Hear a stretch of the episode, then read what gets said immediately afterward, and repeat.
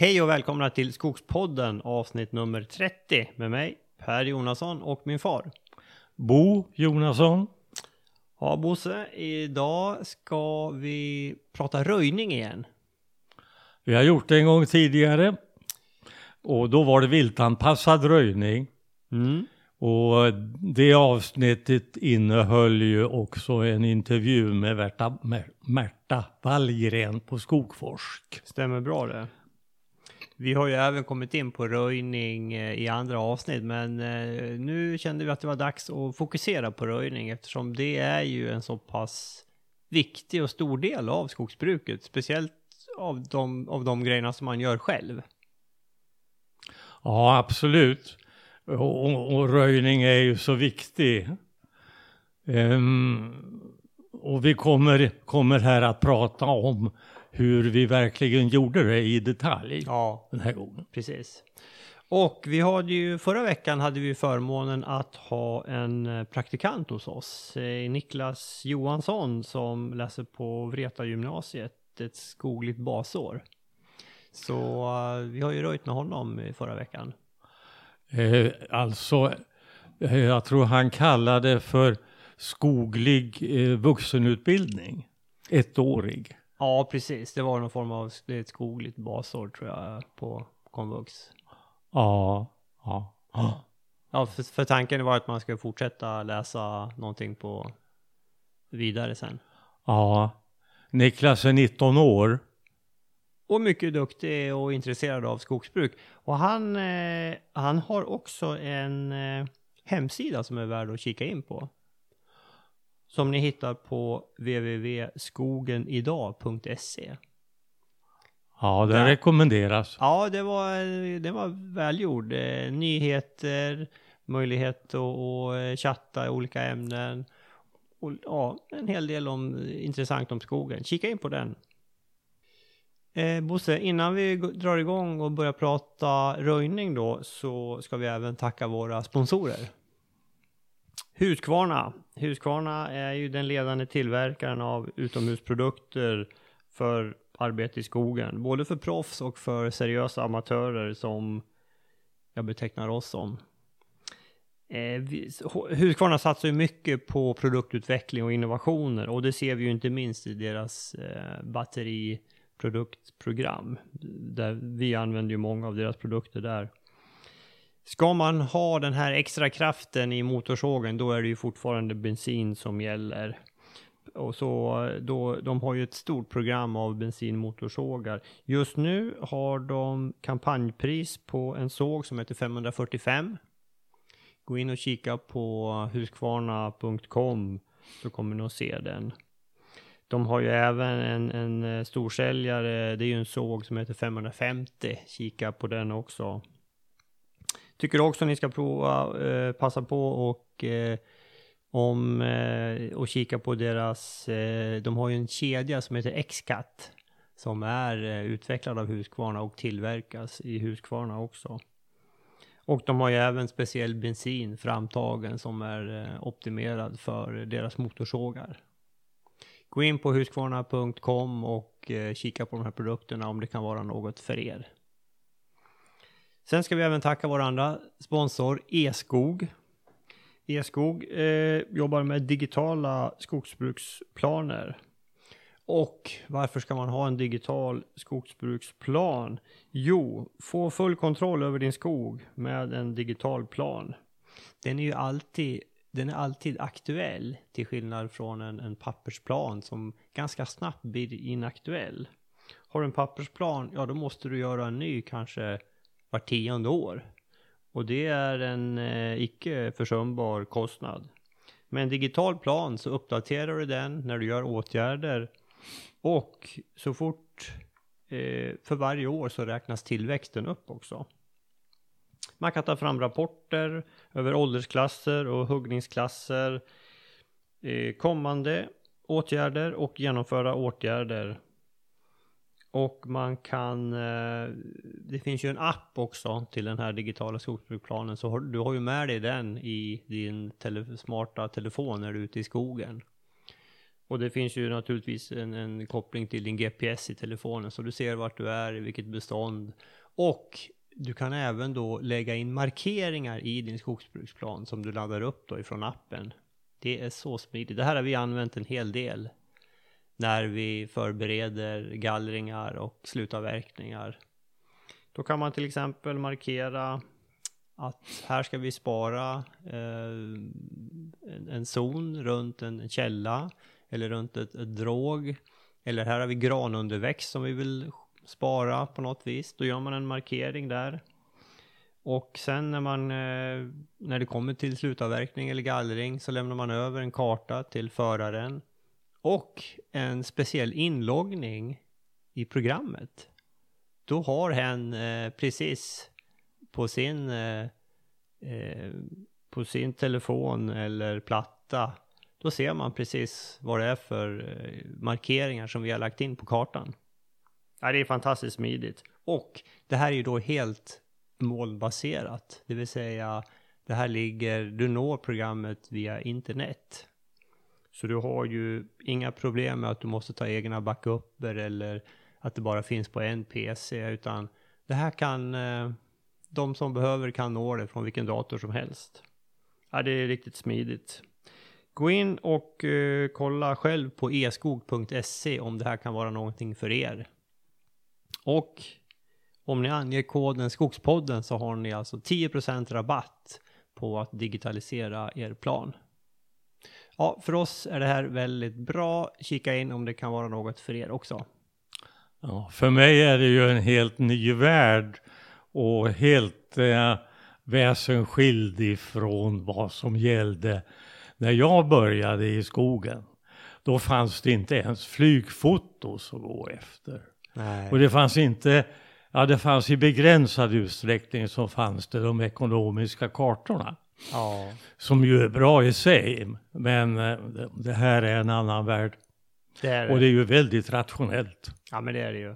Det, är, det här är väldigt smidigt och jag, eh, alltså E-skog eh, leder ju den här utvecklingen på den här digitala fronten, anser jag. Så är det nog. Så är det. Kika in på det och har ni några frågor, ta kontakt med Jens på E-skog så kan han svara på era frågor.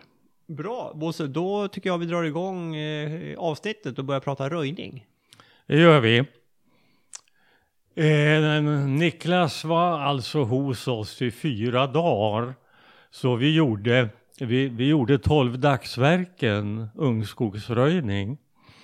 Och vi började med det lättaste.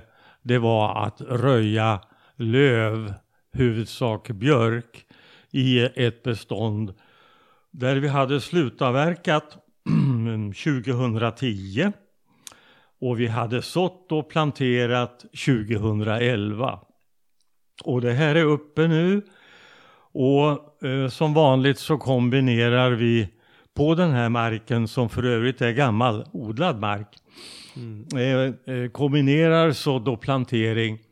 Så på en bit av det här, den här plantskogen så hade vi varannan rad planterad gran och varannan rad sådd tall. På andra bitar så hade vi då planterat lite glesare i hela eh, radens längd och sen sådde vi tall mellan de här eh, granplantorna. Mm. Eh, det här har kommit upp bra och ser fint ut. Och det finns faktiskt en bild, tre bilder tror jag till och med, av det här beståndet eh, mellan, mellan avsnitt 17 och 18. Det är vinterbilder av det beståndet som är tag, de, de är tagna för cirka ett år sedan. Ja, okej. Mm. Ja, Mm. Eh, I alla fall, det här, det här ser bra ut, men det var tid att, att röja björk. Eh, och eh, på det här, i den här plantskogen så finns det också 70 stycken ryska lärkar planterade.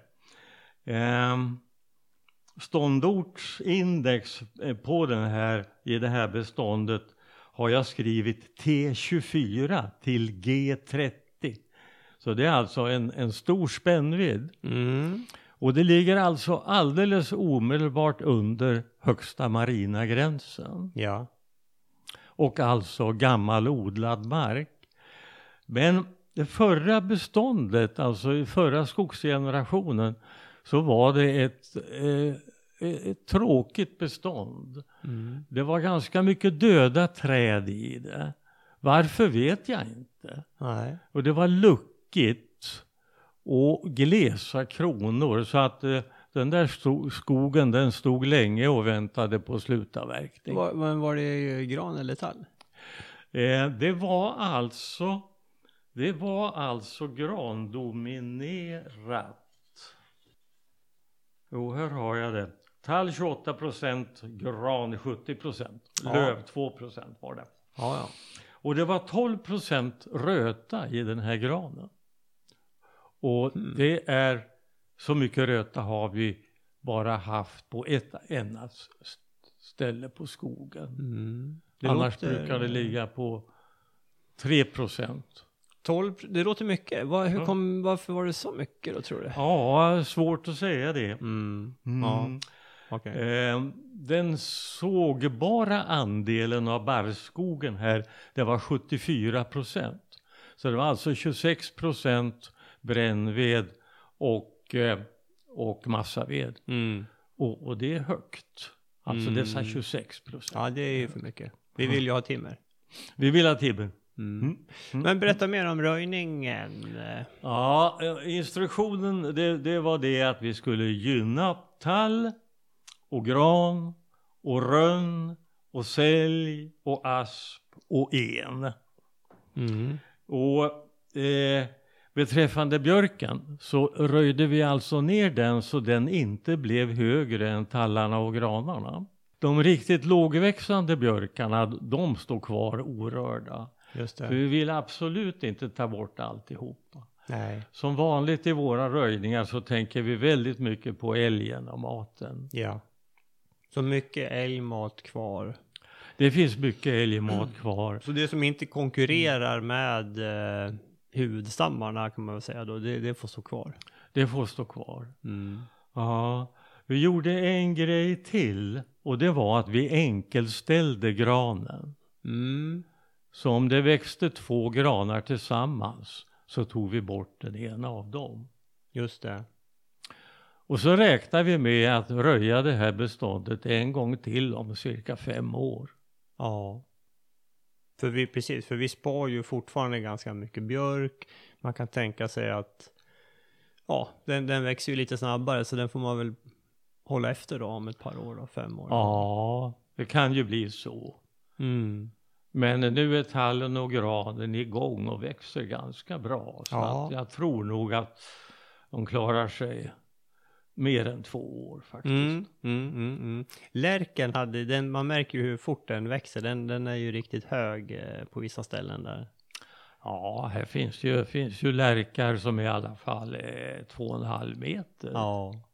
Och långa skott. Ja. en Ja, sak Bosse som du gör eh, inför varje röjning. Du skriver ner en instruktion. ja, det gör jag. Och sparar den sen. Mm.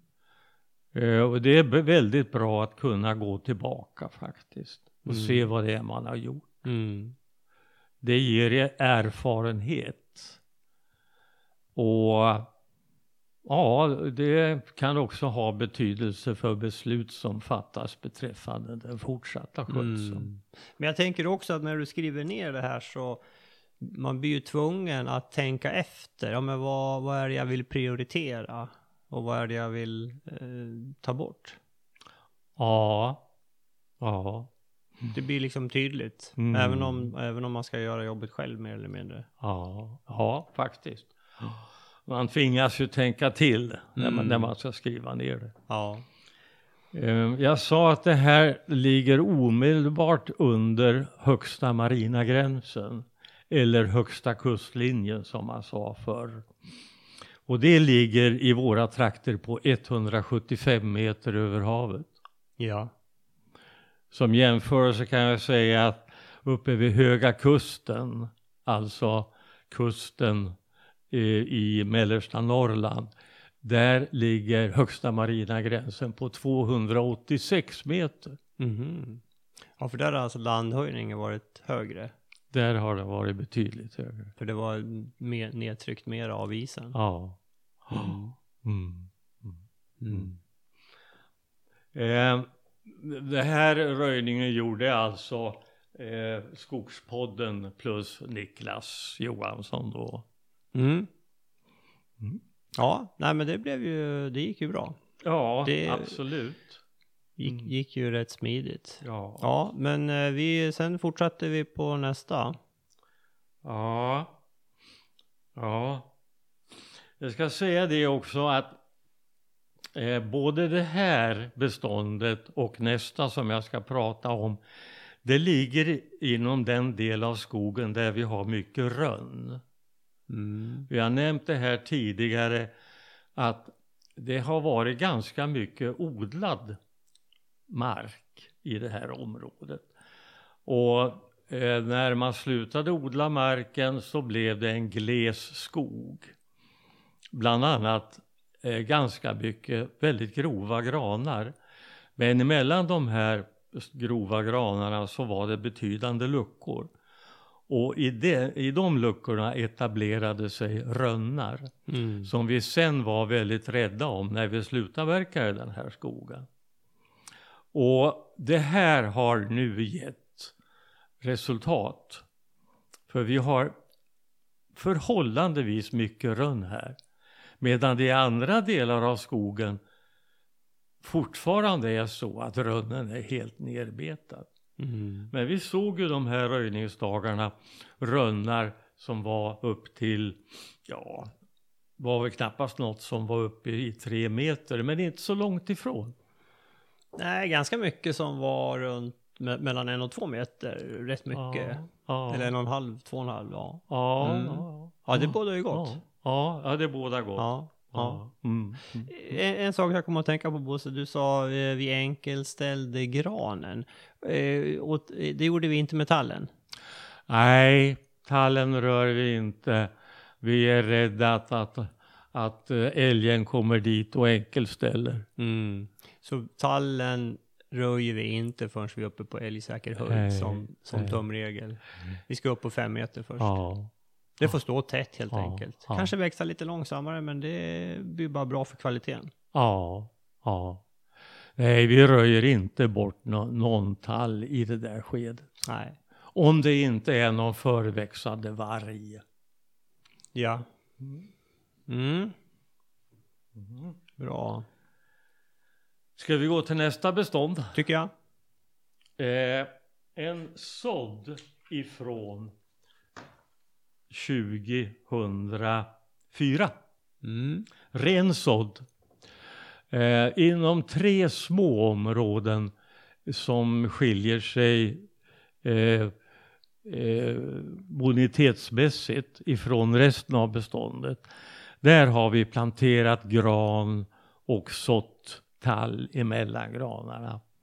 Men eh, mer än 90 procent av hela beståndet är ren tallsådd. Mm. Dock med lite, lite inblandning i fröet av, av granfrö. Ja.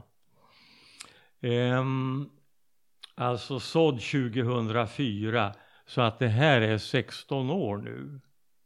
Ja, fem, 15, ja det blir ja, 15 växtår blir det väl ja. Mm, mm. Eh, förra generationen här, det var långsamväxande gran. Och den här är uppe i älgsäker höjd. Så för våran del så är det här rätt tillfälle, rätt utvecklingsstadium att börja röjningen. Men det, alltså, det är väl 13 år? Ja, eh, alltså nu, nu utgick jag att från 2018 och så, och så drar jag bort eh, det som var före 2004. Va? Då, då, blir det, då blir det 15 år, det blir inte 16 som jag sa. Nej. Mm. Och vi är ju bara på 17. Ja, för all del, men vi, vi står ju på, den, Ja. nästa som, som eh, händer här, det är ju att eh, det börjar växa våren 18. Men det är riktigt, hördu, det, det. Mm, nej, huvudräkningen funkade inte riktigt där. Um, Men det är uppe i älgsäker höjd? Det är uppe i älgsäker höjd. Absolut. Ja. ja. Och det här är ju inte första gången det här röjs. Hur sa du? Det, det här är inte första gången det här röjs. Vi har röjt löv, men Ja. ingenting annat. Nej, Vi har löv. inte röjt några, några, några tallvargar eller så. Nej, bara Nej. löv. Okej. Ja, Ja, Hur var instruktionen här då sa du? Ja, eh, gynna, det vill säga röj inte bort de huvudstammar som vi har markerat innan vi började fälla. För det har vi gjort. Mm. Eh, jag ägnade eh, större delen av två dagar här åt att märka på med gul plast huvudstammar i det här. Mm. Och så var Niklas med och röjde med elröjsåg och tog bort eh, det som direkt konkurrerade med huvudstammarna plus lite till. Jag tror att innan vi börjar röja så står det nog på hela området ungefär 10 000 stammar per hektar. Mm. Och efter röjningen är det betydligt färre. Vi återkommer till det. Ehm, men vi gynnar alltså huvudstammar självklart då. Och sen som vanligt rönn, sälj, en och asp. Och sen lämnar vi undertryckt tall och björk. Mm. Och i stort sett så lämnade vi all tall och björk som är två meter eller kortare. Ja. Så det är mycket älgmat kvar. Ja. Det får, det får vara kvar. Så det, där blir det lite trångt på vissa områden. Det är fortfarande mycket stam. Ja, det är det. Mm. Mm. Vi gynnar eller eh, sparar också tallar, granar och björkar som står på luckor. Mm. Men det är väldigt få luckor för att det är så mängder av plantor i Ja. det här. Ja. Och dessutom är kvaliteten alldeles underbart bra. Ja. Det är så rakt och så är så förhållandevis lite älgskador. Mm. När jag gick över det först så trodde jag att det här var mindre än 10% betade tallar.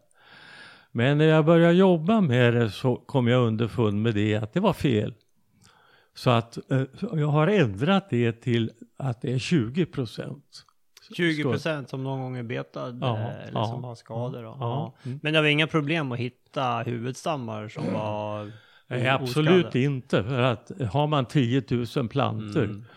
och 20 procent av det är Mm. skadat så finns det mycket att jobba med. Ja. Mm. ja, det är därför man ska ha de här 8 till 10 000 per Ja. hektar. Ja, ja. Hur, hur, eh, vilket avstånd, hur tänker du när du väljer ut huvudstammarna? Ja, eh,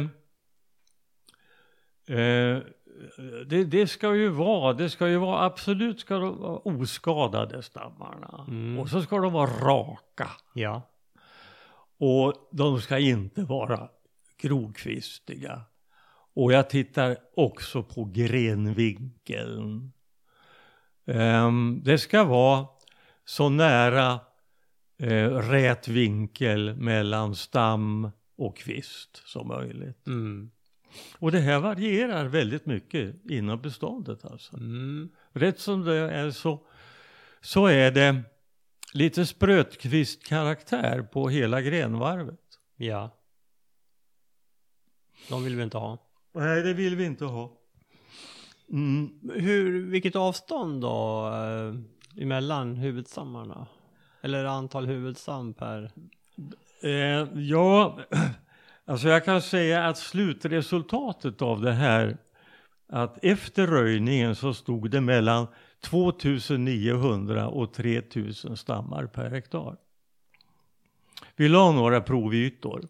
Men då är det inte bara huvudstammar utan det är det som är kvar för övrigt, eller? Jaha, inte det undertryckta. Nej, Utan det är träd i det övre kronskiktet alltihopa. okej. Och en stor del av dem är markerade huvudstammar. Men hur stor andel, det vet jag inte. Nej, men det är fortfarande väldigt mycket huvudstammar då.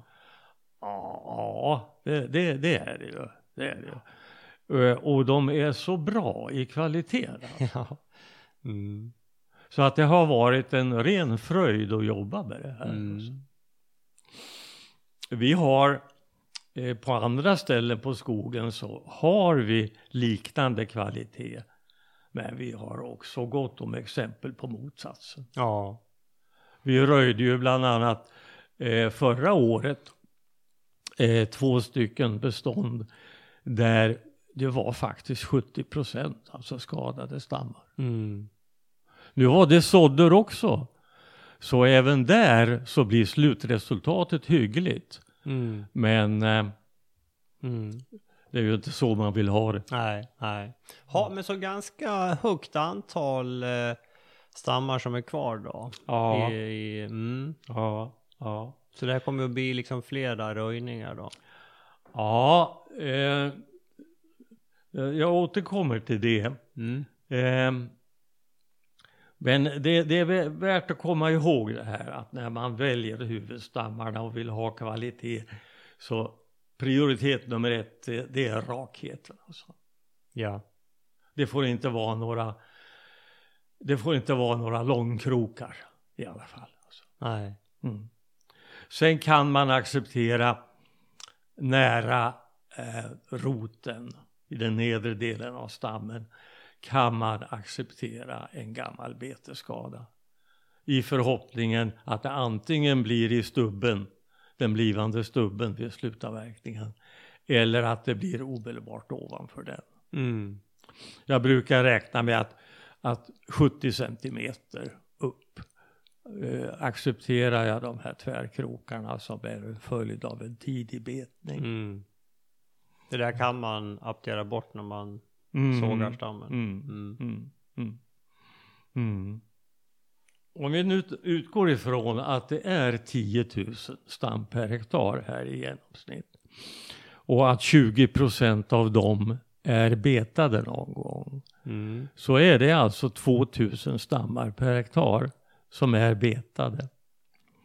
Om nu det här hade varit en plantering då man hade planterat kanske 2500 så blir det inte mycket över till skogsbrukaren. Nej. Då, då är, om, om, om älgen går där och, och, och betar Mm. sina 2000 stammar. Mm. Medan däremot i en sån här sådd så är det ingen inga problem att röja bort de här 2000. Men Nej. det finns mängder till oss i alla fall. Ja. Det finns en lite rolig fläck i det här beståndet. Det är alldeles på vägkant och det är en väldigt bördig fläck. Där har varit en kolbotten. Men i övrigt så har man gjort saker där som jag, jag vet inte vad man har gjort. Man har grävt i jorden och ja, men i alla fall, det här är en väldigt bördig fläck. Och där valde vi då när vi beskogade det här att plantera Douglasgran och Sitkagran. Just det. Och de här är uppe i åtminstone de högsta i åtta meters höjd nu. Ja. Och skjuter långa skott alltså. Ja. Och det ser så trevligt och fint Ja. ut. Och dessutom så växer det några rönnar som är lite ovanliga. Eh, Niklas och jag, vi mätte en till, den är 16 meter hög. Oj. Och brösthöjdsdiametern är 22 centimeter. Ja. Strax bredvid växer en annan rönn som är 13 meter hög. Mm. Och båda de här har fina, raka, helt oskadade stammar. Kul. Det är väldigt främmande faktiskt. Ja. Ja. ja. Mm. Det är en liten intressant fläck. faktiskt. Ja, skojigt. Ja. Mm. Jag har tänkt lite framåt i det här beståndet. Mm. Det, eh, Vi utgår ifrån dagsläget då vi har 2900 till 3000 tallar per hektar står där. Ja, vi ska säga det är inte bara tallar. Det är lite granar också. Men inte mer än 10 gran. Nej, och nu, men nu pratar du alltså övre kronskiktet. Ja, För det står ju, jag menar, det står en hel del björk på Mm. lägre Mm. nivåer då. mm, mm. Nej, helt rätt. Det är övre kronskiktet. Mm. Jag tänker mig här att det här ska röjas en gång till. Mm. Då kanske stamantalet i övre kronskiktet sjunker ifrån dagens 3000 till 2000. Mm. Det kan man tänka sig. Ja. Och sen kommer det då en gallring vid cirka 30 års ålder. Ja. Och då sjunker stamantalet ytterligare till någonstans 850 till 1000 stammar per hektar. Ja. Och sen går åren och sen så gör man en gallring till i 55 möjligtvis 60 års ålder. Mm. Och, och då räknar jag med att det blir ungefär 550 stammar kvar. Mm. Det har blivit det i de här mm, stamkvistade eh, intensivskötta tallskogarna som, som vi har ägnat oss åt mycket åt att anlägga sådana. Alltså. Ja. Eh, och erfarenheten säger att det blir ungefär 550. Och vad som händer sen, det bryr jag mig inte om att tänka på. Utan det får framtiden utvisa. Ja.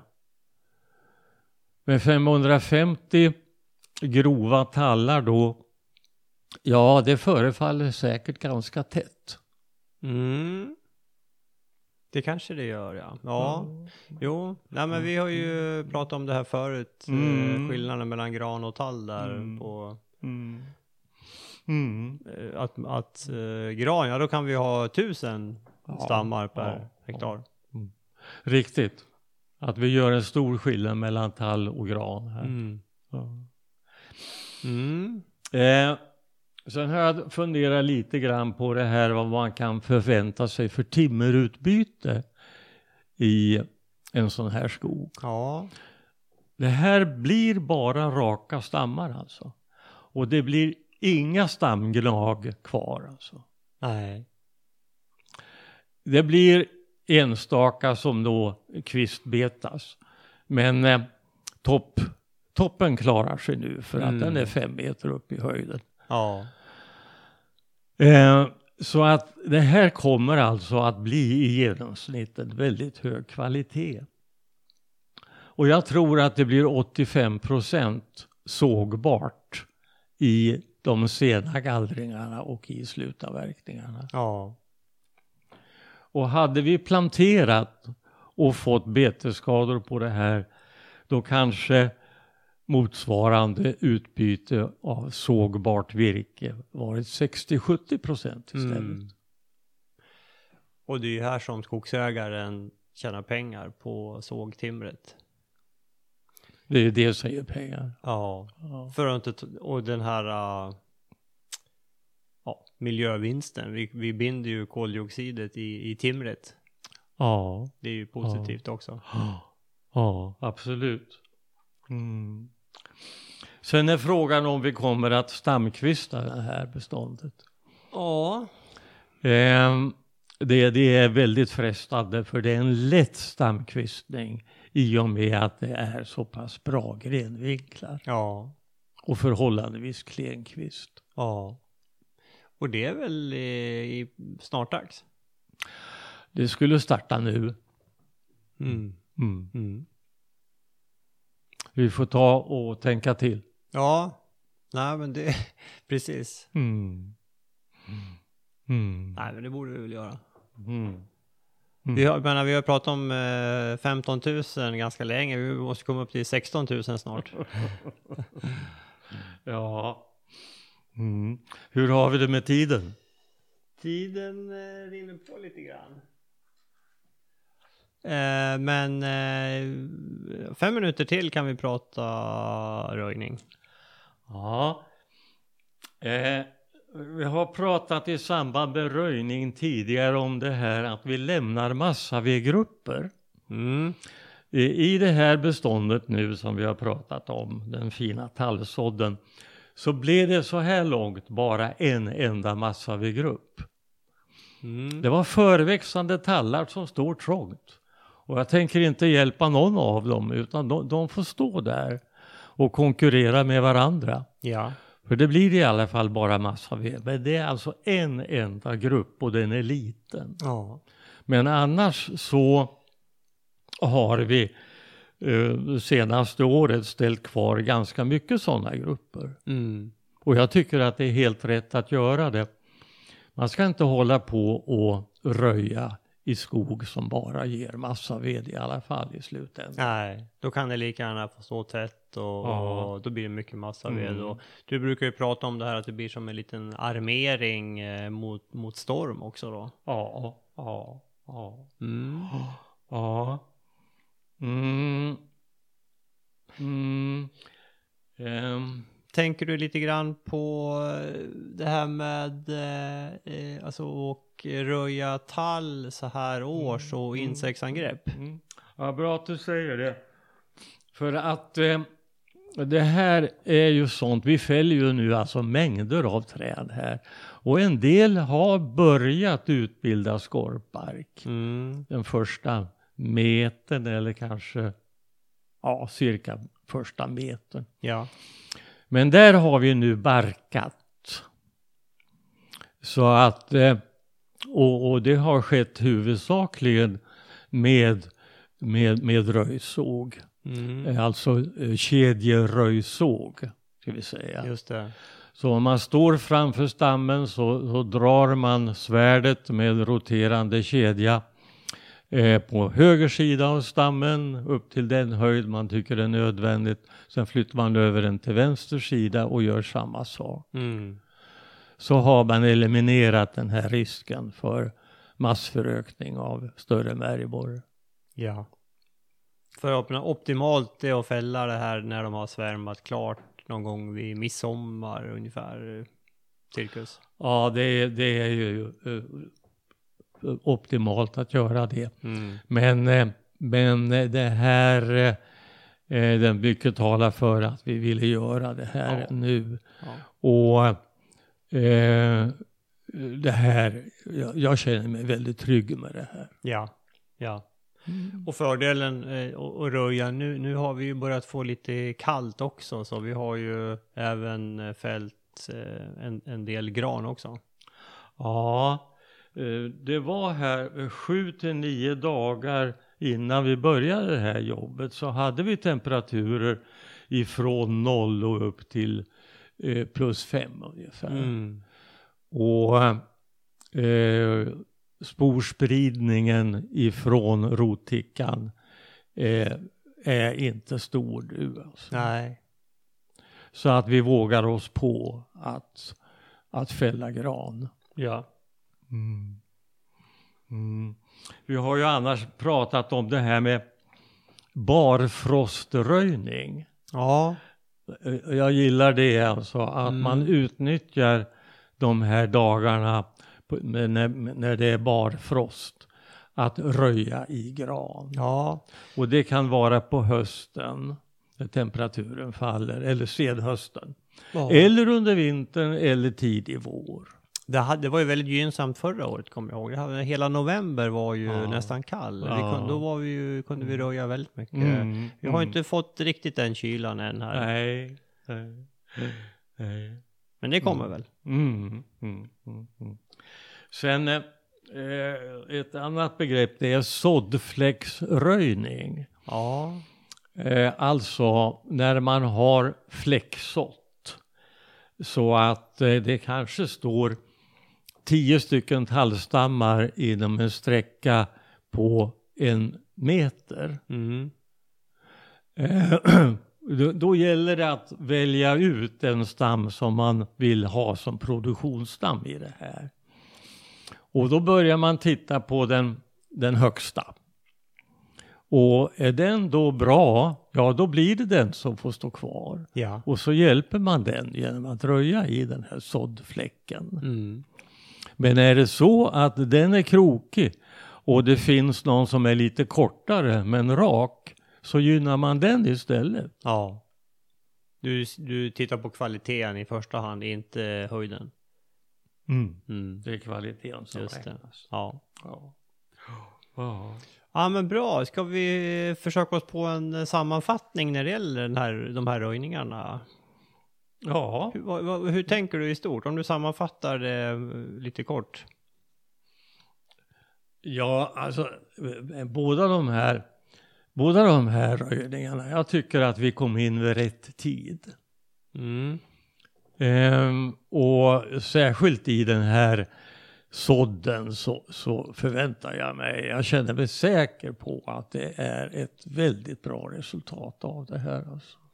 Men där eh, du märkte ut huvudstammar och röjer det som direkt konkurrerar med det. Men det Ja. som inte konkurrerar med det, det, det får stå kvar för att gynna, eh, skapa älg, älgmat. Ja, ja visst. Ehm, eh, eh, jo, det här, det här att märka ut eh, huvudstammar, det, det kanske låter jobbigt, men man, det är skönt att kunna göra det här utan att ha en röjsåg som dinglar vid sidan Mm. av höften.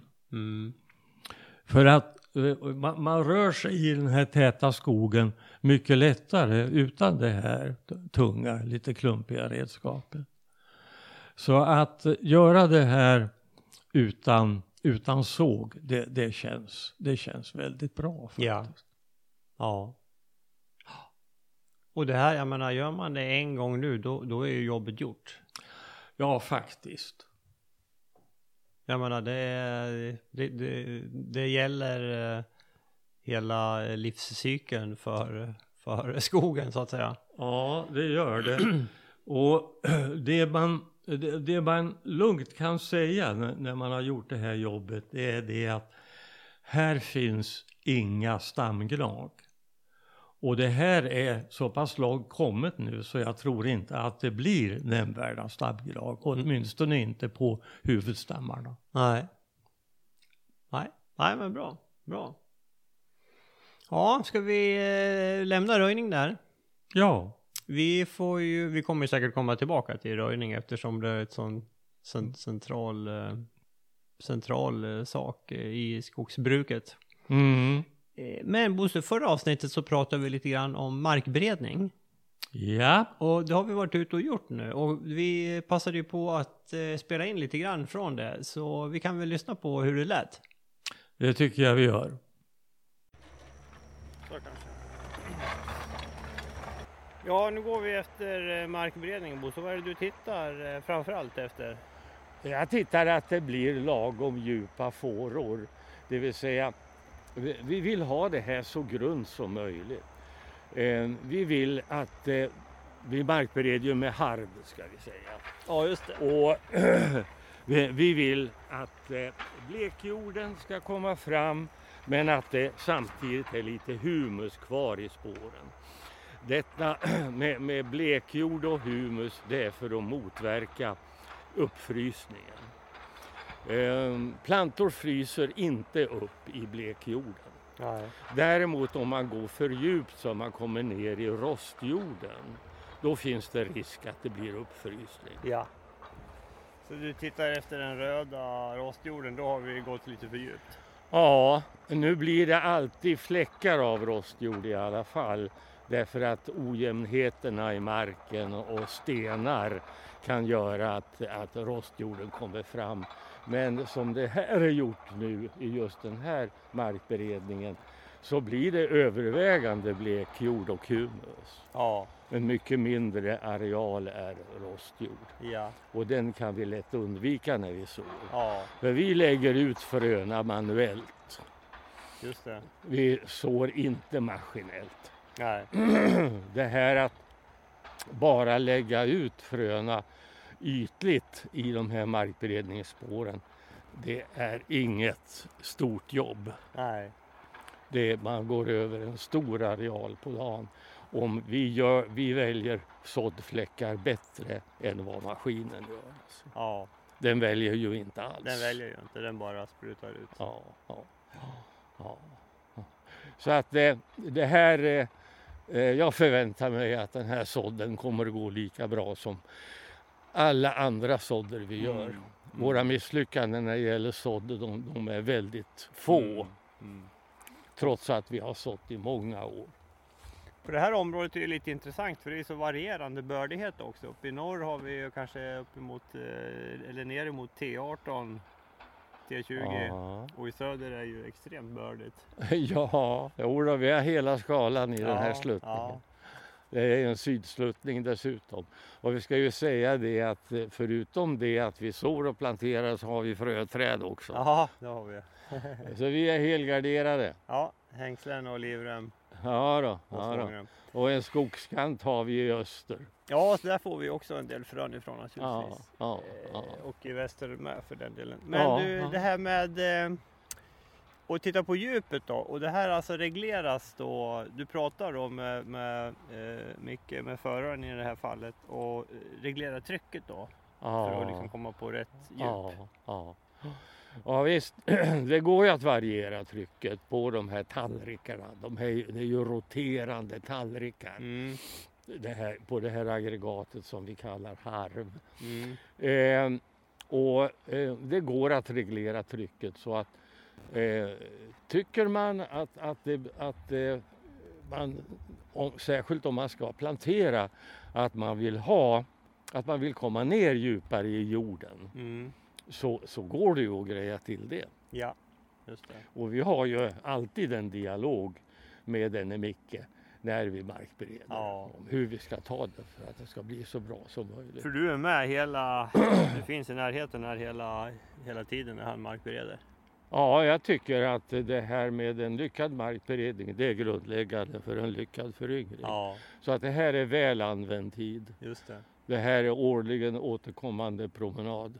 Jaha, det Ja. blir en ordentlig promenad idag. ja. Eh, Och sen har vi ju märkt ut lite vägar och dylikt som vi ska spara då. ja, eh, just det, just det, just det. Eh, Vi har framförallt genom det här området så har vi en sån där riktigt gammal väg Mm. där man har kört hästskjuts i hundratals år. Mm. Eh, ända tillbaka till den tid då det var oxar istället. Men det här är en fin väg eh, som, som går diagonalt över det här hygget och den är vi väldigt rädda om. Ja, Eh, I anslutning till den finns det dessutom kolbottnar och kolakojor. ja, Eh, och sen har vi markerat en väg till och den är av betydligt nya, nyare datum. Så att eh, det är egentligen bara en... Den har tillkommit eh, efter ett par avverkningar som har körts ut den här vägen. ja. Men vi tycker att den är värd att spara också. Vi behåller den också. Och den kommer dessutom att vara till väldigt god hjälp när vi avverkar de här frötallarna som står här. Just det, precis. Och sen det här äh, området nu som vi markbereder, det har ju alltså i väster har vi ju, eh, där är det ju betydligt blötare. Ja, det är en riktig sänka. och, och där, eh, den ska självföryngra sig. Ja, Den får i alla fall chansen att självföryngra sig. Och vi kommer med stor sannolikhet inte att markbereda någonting där. nej, Eh, det är eh, förhållandevis djup torv. ja, Och eh, det finns dessutom ett gammalt dikesystem i den här. Eh, och sen har vi en skogskant i väster där. Och jag tror att den skogskanten kommer att beså den där sänkan. Och, och den är inte liten den här. Den är eh, ja, sammanlagt på hela hygget är det nog ett, eh, två hektar som, som är av den karaktären. Ja. Och där har ju vi märkt ut med, med band och redan så vi har en, en gräns eh, dit. Vi går inte längre med markberedningen än så. Nej, det, det, det gör vi inte. Och det är en ganska skarp gräns faktiskt mellan hård fast mark och den här torven nere i sänkan. Mm. Mm. Ja, vad ska man annars tänka på? Vi gör det här ganska sent på hösten då. Nu är det alltså 6 november. Det är väl en ganska bra tid att markbereda på. Ja, det är det. Eh, För att eh, det, det här året så blir det ju ingen fröspridning av gräs. eh, eller örter till markberedningsfårorna. Eh, utan den börjar först nästa år. Hade vi markberett i augusti så hade vi ju haft fröspridning redan det här året Mm. till den här blottlagda mineraljorden. Ja. Det vill säga det hade blivit en snabbare igenväxning av de här. Ja. Sen har, fördelen nu också är ju att nu är det ju, det är ju blött och fuktigt så menar, risken för skogsbrand är ju betydligt lägre nu än om man gör det här i augusti. Ja, det, det är ju en, en väldigt viktig fördel med, med ja. sen markberedning. Ja. Och det ser man ju när han kör att det, det blir ju det alstras ju värme helt klart när han kommer Ja. mot stenarna. Ja, ja, ja. Så det är ju att- man är med här, det är ju, man är ju med som lite brandvakt också. ja. Jo, det stiger ju som en, en blå rök ur jorden i vissa lägen. Mm. Ja, speciellt när han kommer på stenarna. Ja, Det är bra. Han har ju ordentligt med brandsläckningsutrustning på eh, maskinen. ja, ja. Och en, en sån här förare som Micke i det här fallet, de är verkligen helproffs. Alltså. Ja, Man behöver inte hålla på och dirigera dem i detalj på något vis. För de har hela tiden blicken framåt och planerar sina stråk. ja, och ett öga bakåt också för att se att det ser bra ut naturligtvis. Ja, han är ju mycket erfaren, det, det Ja. märks ju. Ja, Ja, kul att jobba med proffs. ja det är det. Och just den här dialogen man har är, är, så givande. När eh, kommer vi gå igång med sådden här då? 10 april, 10 april, ja. tidig morgon. ja. Så pass tidigt? Ja, Nej, ja. Det är med början av april. Ja. vi. det är då. Ja, Ja, ja. just det. Och då, ja, eh, alltså nu får, vi får ju, vi får ju se här nu hur, hur det här ser ut efter markberedningen. För att eh, det här att gå med vid markberedningen, det ger också en väldigt bra bild av jorden. Ja, Vad är under markbeteckningen? ja, Eh, och efter det så, så fattar vi ju beslut om i vilken utsträckning vi ska plantera. Ja. Eh, eller, eller självföryngra. För, för det här, är- eh, det, det här är, är en, en värdefull information man får. ja, alltså. ja, just det. Eh, Det här att lära känna sin skog även under markbeteckningen, det är inte så dumt. Nej. alltså. Nej, Eh, men så är det ju. ja. Just det. Ehm, eh, en, en annan sak som är värd att säga det är att eh, om det nu blir några morgnar med frostnätter innan det blir snö Ja. så är ett återbesök på hygget väldigt värdefullt. Mm. För att då ser man precis var det är risk för uppfrysning någonstans. Mm. Och, och eh, Hur ser du det? Jo, då bildas de här isnålarna. Det som kallas för pipkrake. Just det. Eh, Det blir som en palissad av isnålar i de fläckarna där det blir uppfrysning. Mm. Eh, Och det är ju det här som lyfter upp plantan, den Ja, ja. etablerade plantan, ur jorden och gör att den ligger ovanpå marken istället för att ha rötterna nere i marken. Och, och dör sen då? Ja, visst, ja, visst. Så där man ser den här uppfrysningen, där är det mindre, där ska man inte så helt enkelt. Sådana fläckar ska man inte så. Nej. Nej. Och då ser man ju liksom att ja, rostjord, uppfrysning, undvik de platserna. Mm, mm, mm. Ja, nej men det, det är så väldigt värdefull information man får. alltså. Ja, Det ligger där gratis, det är Ja, bara ja. ut och hämta det. ja. Och det är ju, menar, vi hade ju, det var ju minusgrader nu på vägen upp hit. Så det är Ja. ju, om några dagar kan man åka upp igen och kolla. Ja, visst.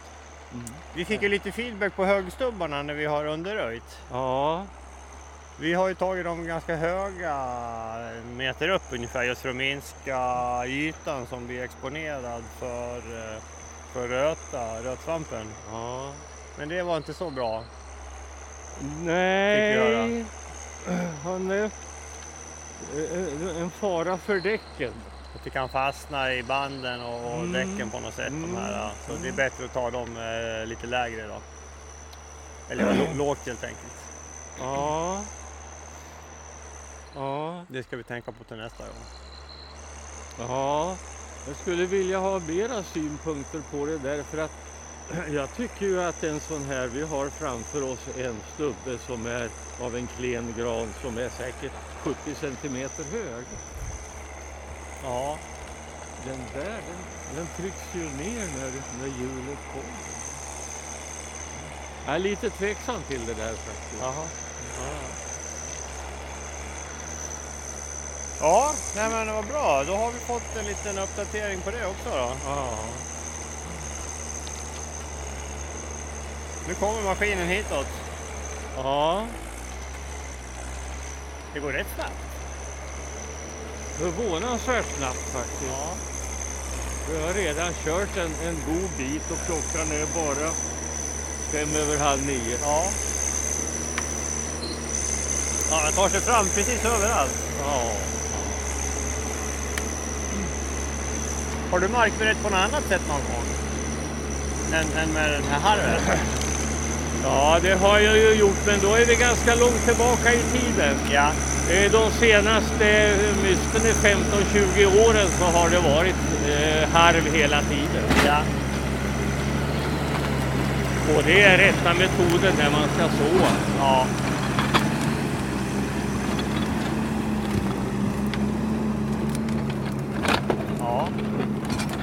Så här låter det.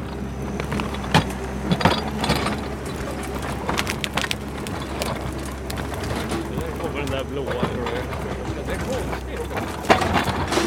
Nej, jag tolkar det som att det är värme, alltså. Att det finns friktion när man går på stenarna. Ja, ja. Ja, ja. Att det är fukt som kondenserar menar du? Ja. Ja, ja, ja. Nej, jag vet inte. Nej, inte jag heller. För mig ser den alltså blå. Ja, Ja, men bra. Då, då sätter vi punkt här tror jag. ja här ligger jungfru, jungfrulig jord nu och väntar på frö. Ja, den ska inte behöva vänta så länge. Okej. Sträckmeter. Ja, Okej. ja. Men eh, nu, nu beror det på hur det ser ut. Jag, eh, för att antingen så lägger vi ju bara ut fröna på ytan. Ja. Och det är ju väldigt enkelt. Ja. Eller också gör vi en, en myllning av fröna fläckvis. Ja. Och eh, även då, då lägger vi 20 frön på varje fläck. Eh, och, och, och myllar lite grann. Det, det är ju en, en bombsäker metod. Men den är ju samtidigt ganska arbetsam. Då, då blir arbetstyngden inte så olik plantering. Nej. Men det här Är, bara, det, är det blandfrö eller kör du bara tall eller?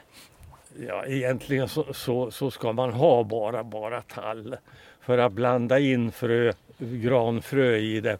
Ja, jag har gjort det eh, nästan jämt men, men det är inte så listigt för att granen står då i botten, den hinner inte med tallen. Nej. Så, så att eh, resultatet blir att man måste röja bort de här granarna sen. Okej. Och i, och med att de står in ibland tallarna så blir det en ganska jobbig röjning. Ja. Men Micke, du kör ju markberedningen här nu. Men du berättade att du eh, sår också. Ja. Med agri- alltså, samtidigt som du markbereder då? Ja. Eller? Jajamän. Är det samma utrustning? Ja, det är samma utrustning. Vi har en, en ja, låda som vi stoppar på på maskin. Ja. Med, ja, Som pytsar ut frön då? ja, som jag ställer in med hjälp av en dator hur många frön vi ska lägga ut per meter. Ja. Och sen sitter en fläkt i den konstant som ja, blåser ut fröna ja, på ja. maskin. Hur mycket brukar du lägga ut då? Eh, runt 14, 13-14 frön per meter. Mm. 0,3 hektar per hektar ungefär brukar det bli. Är det övervägande det storskaliga skogsbruket då eller är det privata som vi? Ja, det är ju mycket på Sveaskog är det. Ja, det är Men det privata kommer mer och mer också. Mm. Ja. Mm. Det rör sig om flera hundra hektar på vårt område på Sveaskog. Vi sår både med en harv, en tvåradig harv och en treradig högläggare. Mm. Just det. Men 300 gram per hektar, det är precis vad vi brukar säga. Ja, ja. Så det blir samma? Ja. Så att det är ju, och efter våra mätningar som vi har gjort ett par år tillbaka så är det runt nio frön per meter som har tagit sig. Ja, ja. Ja. Okej. Så det, Det är en väldigt intressant metod alltså. ja. Ja. Och det här, gör, ni, gör du det här på, på hösten? Eller Nej, på våren. Det är på våren? ja. Så fort, eh, så fort eh, ja, frostnätterna och det har kommit över liksom, då Ja. börjar vi så. Och sen är det fram till midsommar säger de. Ja. Sen är det ju, vi brukar kunna ha någon dispens till någon vecka efter midsommar men då får det gärna inte bli en torr sommar utan Nej. man vill ha lite fukt sen. Men man skulle kunna göra det på hösten också, va? eller? Ja, ja jag har inte stor koll på det. Jag tror inte att, att det har prövats eh, på, på allvar men faktum är att, att vi har gjort det här. Ja. Att höst så. Och, Ja. och det har blivit plantor faktiskt. Men Ja.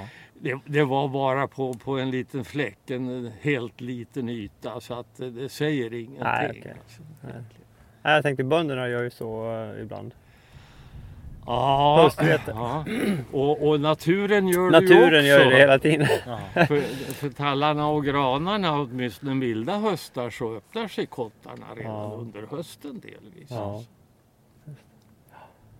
Mm. Ja, ja, intressant. Så det kommer mer och mer säger du, Micke? Ja. Det gör det. ja. Ja, nej, men det, det är absolut en intressant metod. Men alltså problemet är ju det att det är så få veckor på våren va, som det går. Ja. För, eh, före 15 april börjar ni nog knappast. va? Nej, det tror jag inte heller. nej. Och sen som du säger midsommar. Ja. Ja. Ja, det är två månader Ja. högst. ja. Och jag tror det, jag ligger nog runt tre, mellan 350 och 400 hektar som ska köras under den tiden. På hela ja, Mellansveriges-delen kan man säga. Så att det, Är det många som håller på med maskinell sådd? alltså de maskiner som, som går på de större, de, de har ju sådd. Ja. Det, har de. det kommer, det, jag tror det blir ett krav från de flesta bolagen att man ska kunna så. Ja.